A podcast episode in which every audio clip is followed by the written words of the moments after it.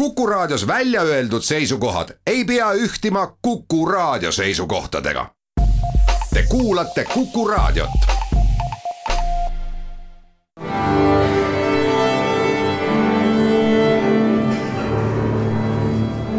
daamid ja härrad, Eesti Kontserdi saade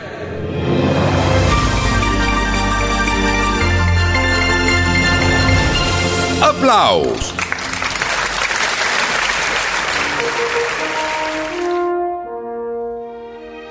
tere kõigile, aplaus esmakordselt kahe tuhande kahekümne esimesel aastal. räägime lähematest ja kaugematest plaanidest muusikaelus, hoolimata sellest, et lähematest plaanidest peame ikka veel rääkima tinglikus kõneviisis nagu kogu läinud sügis, aga küllap oleme sellegagi kõik harjunud. tervis ja turvalisus on kõige olulisemad, kui kontserte saab korraldada, on väga tore, kui mõni kontsert ka ära jääb, siis tuleb see lihtsalt natukene hiljem järele teha seega teeme aasta esimeses saates kiirpilgul ülevaate kontserdi hooaja kevadisest poolest, sellisena nagu ta meil juba ammu planeeritud oli ja siis muidugi selliste täiendustega, nagu elu sinna viimasel ajal on ise lisanud olulisim, head sõbrad, on see, et algab Eesti Kontserdi juubeliaasta. neljandal veebruaril saab Eesti Kontsert, täpsemalt küll selle eelkäija Eesti NSV Riiklik Filharmoonia kaheksakümne aastaseks, mis tähendab samas seda, et kontserdi organisatsioon asutati neljandal veebruaril aastal tuhat üheksasada nelikümmend üks ja kui ajaloos tagasi vaadata, on Eesti Kontsert südikalt tegutsenud ja sündinud märksa keerulisematel aegadel kui praegu. kui meil siin on varasematel aastatel omavaheliseks sõbralikuks vaidluseks olnud see, et mitmes kontserdihooaeg meil parajasti käimas on ja kas tuhande üheksasaja neljakümne esimesel aastal veebruarist kuni juunikuuni toimuvat saab lugeda esimeseks hooajaks või mitte, siis nüüd juubeliks valmistumise käigus õnnestus meie kommunikatsioonijuhil Andri Maimetsal arhiividest välja kaevata ajalehe Sirp ja Vasar artikkel kahekümne üheksandast märtsist tuhat üheksasada nelikümmend üks, mis on just kirjutatud neljandal aprillil eesootava avakontserdi kohta Estonia kontserdisaalis, kus esines Estonia ja raadiokomitee ühendatud sümfooniaorkester, tänases mõistes siis Rahvusooperi ja ERSO ühendorkester, kel oli muuhulgas kavas nii Artur Kapi kui Rudolf Tobiase teoseid ja üllatus-üllatus muidugi Beethoveni viies sümfoonia ka siis oli Beethoveni juubeliaasta just äsja läbi saanud esimene kontserdihooaeg kestis seega väidetavalt neljanda aprilli avakontserdist kuni kahekümne seitsmenda juunini ja pidi uuesti algama teisel septembril. kõik see aga jäi juba Teise maailmasõja jalgu, mis selleks ajaks ehk augustikuuks otsaga Tallinna ümbrusesse jõudis nii, aga meie juubelikontserdid, mis olid varem planeeritud toimuma asutamise päevaks ehk neljandaks veebruariks, on nüüdseks eh, liikunud kaugemale, kahekümne seitsmenda ja kahekümne kaheksanda mai päevadele ja loodetavasti pole siis enam publikupiiranguid ees ootamas ja juubelikontserdid tulevad väärikad, aga mitte surmtõsised, nagu me praegu juba reklaamis teada anname lisaks sellele on kevadhooaja sees ootamas palju muudki, ehk suur osa varem planeeritust on siiski kavadesse jäänud. alates Lauri Vasara soolokontsertidest märtsis kuni Jose Cura soolokontsertideni hooaja lõpus maikuus Jose Cura annab Eestis kaks kontserti, kahekümnendal mail Pärnus ja kahekümne esimesel mail Estonia kontserdisaalis ja seekord on Cura kogunisti kolmes rollis, ta on dirigent, helilooja ja loomulikult ka laulja esmakordselt kõlab Eestis tema kitarrikontsert, kontsert taasärkamisele, mis on sündinud koroonapandeemia ajal lootusega, et elava muusika vaikelu peagi lõpeb. Eesti Riiklikku Sümfooniaorkestrit dirigeerivad nii Jose Cura ise kui ka Mario da Rosa märtsis tähistab Eesti Kontsert tangode suurmeistri Astor Piazzolla sajandat sünniaastapäeva Tallinna Kammerorkestri ja Tim Kliphuisi kontsertidel ja Piazzolla instrumendil teeb kaasa ka Eesti ainus bandooniumi mängija Kaspar Uljas. Aprillis võõrustab Eesti Kontsert maailmamainega Flandria sümfooniaorkestrit koos nende nüüdseks juba mitte enam nii väga uue peadirigendi Kristiina Poska juhatusel, aga mäletan, et see kontsertreis oli üks esimesi asju, mida me kahe tuhande kaheksateistkümnenda aasta sügisel nendega kokku leppisime, kui Kristiina oma uuele ametipostile asus. kontserdid on kaheksandal aprillil Pärnus, üheksandal Tartus ja kümnendal aprillil Tallinnas Estonia kontserdisaalis. solist on viiuldaja Emmanuel Tšeknavarjan Viinist, kes on meil siin ka varem mitu korda väga menukalt esinenud mis muud, kui et me siin valmistume hoolikalt kõigiks nendeks kontsertideks ja veel paljudeks teistekski, mis kevadel plaanis ja loodame, et me miskit ära jätma ei pea lähemal ajal aga, nagu teate, Ida-Virumaal ja Tallinnas kontserte ei toimu, küll aga on homme Pärnu kontserdimajas toimumas löökpilliduo Heigo Rosin, Tanel Eiko Novikov kontsert pealkirjaga Songs of the Human Spirit. laval on muljetavaldav kogus löökpille ja kaks noort virtuoosi selle sees toimetamas. Morris Langi poolt seatud Bachi viisteist inventsiooni ja Nathan Daughtry Songs of the Human Spirit kahele marimbale ja kahele vibrafonile on kavas ja loodetavasti loodetavasti jõuab see kontsert siis natukene hiljem ka varem planeeritud teistesse linnadesse ja Johan Randvere, kelle planeeritud kontsert novembris sai toimuda ainult Pärnu kontserdimajas, tuleb Tallinnas teisele katsele. novembris planeeritud kontsertidest,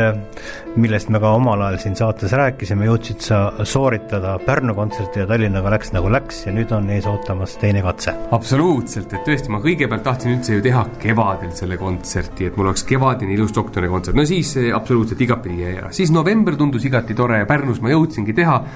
päris tore kontsert oli ka, ma jäin kuidagi rahule kogu selle asjaga, mis seal oli. ja siis tõesti mõned päevad enne tabas mind jah, siis selline no ütleme siis palavik ja no nina oli kinni ja kogu see asi, nii et vanal ajal oleks ennast kokku võtnud ja teinud selle kontserti ära, aga praeguses korralikus ajas ma pidin ikkagi. ja nüüd on üks huvitav asi veel see, et kuna seitsmeteistkümnendani on ju see keeld, minu kontsert võib olla üks kõige esimesi ja ma iga päev ootan, kas see lükkub edasi, kas see pannakse kinni või just nimelt ma kasvatan kõigis seda kunstinälga ja ma saan endale täissaali me ju tegelikult hetkel ju isegi ei, ei tea ja me ainult loodame, et, et see kontsert saab Tallinnas toimuma. absoluutselt, mina iga päev harjutan selle nimel, et tõesti nüüd nädal aega on põhimõtteliselt ju jäänud, äkki ikka toimub. Need on välised olud, kas see kontsert tuleb teistsugune, kui ta oleks olnud kevadel? ma arvan küll, tuleb ikka, tuleb ikka, kuigi ma ju mõtlesin ka selle kevade olukorrale kuidagi silmas pidades seda kava ka kokku. et mul on suhteliselt, mul on ikka ilus kava, ma järjest rohkem saan aru, et see Debussy Bergamaski süit oma kuuvalgusega ja ja see Tšaikovski pähklipure ja vaata, see küll on muutunud, et see pähklipure ja praegu talve sobib äh, veel palju-palju paremini, et see on kuidagi veel eriti täkkes, see läheb võib-olla nii pidigi minema, see on kõik minu süü, et see, need piirangud kestavad praeguseni. Sul on alati sellised äh, toredad lood oma kontsertide saateks rääkida, aga siin on kavalehelt võib lugeda, kuidas sa kunagi olid Livornos ja vaatasid vaatasid telekat ja jaa, tead, vot nendes suurtes riikides, nad on ikkagi nii uhked oma kultuuri üle, ma arvan, et eestlastel oleks ka aeg nüüd juba olla meie kultuuri elu ja kultuuri üle uhke, et meil oleks ka lõpuks mingi kunstikanal, tead Itaalias oligi lihtsalt paned teleka käima ja sul Michelangeli mängib sulle Debussy'd ja siis tuleb saade ja räägib Michelangeliga ja siis räägitakse Richteriga ja no kuidagi nii huvitav on vaadata seda. ja no nendest meestest inspireerituna siis äh, tuligi tunne, et ma pean, ma pean ka neid lugusid mängima, ma pean, ma tahan jõuda ka sinna lähemale, kus need suured meistrid on jõudnud. tavaliselt äh, või siis vahest pühendatakse kontsert mõnele heliloojale, sa pühendad kontserdi kolmele pianistile, kes on sulle eeskujuks? vot jah mul on sellised nagu, võib-olla ka lapselik idee, aga mul on, ma olen aastaid mõelnud selle peale, kuidas, kuidas tahaks midagi pühendada Richterile või just sellele Michelangelile ja Pletnjovile. muidugi seal on alati üks oht, et, et ma ei saa kunagi olla ei Richter, Michelangelo ega Pletnjov ja võib-olla ei pea ka olema ja ega ma ei suuda ka nii hästi mängida, kui tõesti Pletnjov või Richter või Michelangelo, see on ikkagi noh, vot see on midagi tõelist. aga, aga sellise kummarduse ma tõesti tahaks sügavalt nendele teha no kui palju saab äh, mõnda teist pianisti endale eeskujuks võtta, kui kaugele sa saad minna, ilma et sa oma nägu kaotaks? No suht vähe, ma arvan tegelikult, mingis mõttes ka ju ei tohi järgi teha ja, ja kui, kui midagigi on kuskil võimalik järgi teha, ma ei oska öelda. no näiteks Glen Gouldi Bachi me võime paar takti järgi teha, aga kolmandas taktis on juba raske tegelikult seda, sellist aju endale saada, siis samamoodi Richterit ka, et ja igalühel, et, et neid, neid suuri meistreid ongi, ma arvan, et õpinguperioodil salaja tõesti kuskil klassiruumis isegi võiks neid proovida salaja järgi teha. sealt on palju õppida, aga noh, lava peal noh, ikka tegelikult mängid nagu mängid, et ega me enda eest ei pääse kunagi sellest ajast, kui me novembris sellest kontserdist viimati rääkisime, on toimunud kõiksugu sündmusi ja ka kurbi sündmusi. Jaan Rääts, keda sa toona kontserdile ootasid, teda enam kontserdile ei saa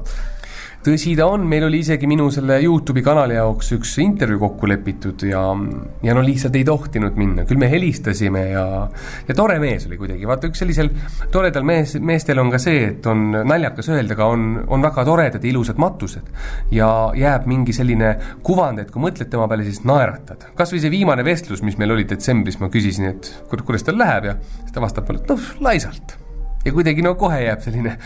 tore tunne temast sisse, aga, aga paratamatult nüüd on jah see, et ma mängin tema marginaale, on eh, nagu ka noh, kahjuks siis suurema tähendusega jah, kui enne. Estonia kontserdisaali kontsert on igale Eesti pianistile nagu midagi enamat kui kontsert eh, ükskõik kus mujal Eestis on ikka jah, minu arust on Estonia kontsertsaali kontsert äh, kõige olulisem ja kõige ka raskem kontsert ühele Eesti pianistile. sest äh, noh, meie pianistide ring on ju väike, teised tulevad loodetavasti kontserdile, alati me käime üksteist kuulamas ja mulle tundub, et Eesti pianistide ringkond on ka kuidagi tegelikult teineteist toetav vaatamata ükskõik millele, ikkagi me kuidagi toetame. aga sellegipoolest on see jälle üks selline proovikivi, see on ikkagi üks taseme näitaja, ma enda puhul alati mõtlen seda, et noh, ma siin räägin ja olen tore ja teen igasugu asju mm, elus, aga vaata, see Estonia kontsertsaali sooloõhtu on jällegi see, mis näitab, et mis see, mis see Randvere siis praegu nagu, mida ta toimetab mm. tegelikult. mis su plaan B on, kui peaks juhtuma, et kontsert ei toimu, tuleb siis järgmisel kevadel? Jah, tuleb jah. Mul on selle kontserdiga, ma tahaks, ma võtan ta ikkagi kindlasti linti et kui siis, ja raadio kannab seda üle, et ma igaks juhuks praegu uurin ka variante, et kuna see on ju ka doktorikontsert koostöös Interpretide Liit, Eesti Kontsert ja siis ka Muusikaakadeemia, et siis ma just kirjutasin täna Marek Vilbale, küsisin, et kas seda annaks striimida laivis üle, annaks seda, ma ei tea, siis üles võtta niimoodi, et see läheb kunagi Youtube'i või, või noh, raadios saab seda kuulata ka, et et kui tõesti ei saa siis kohale tulla, siis ma seda kava päriselt täies koosseisus edasi lükata enam ei tahaks, et tegelikult tahaks liikuda edasi juba riskantne on see ettevõtmine, aga loodame parimat. päev peale praeguseks välja kuulutatud piirangute lõppu Tallinnas üheksateistkümnendal jaanuaril Estonia kontserdisaalis Johan Randvere soolokontsert. Jaan Räätsa kakskümmend neli marginaali, Claude Debussy, Bergamaschi süit, Tšaikovski, Pletnjovi süit balletist Pähklipureja ja Hindemiti kolmas klaverisõnaat. saagu mis saab, meie kohtume kahe nädala pärast ja räägime traditsioonilisest Mustonen festist. kõike paremat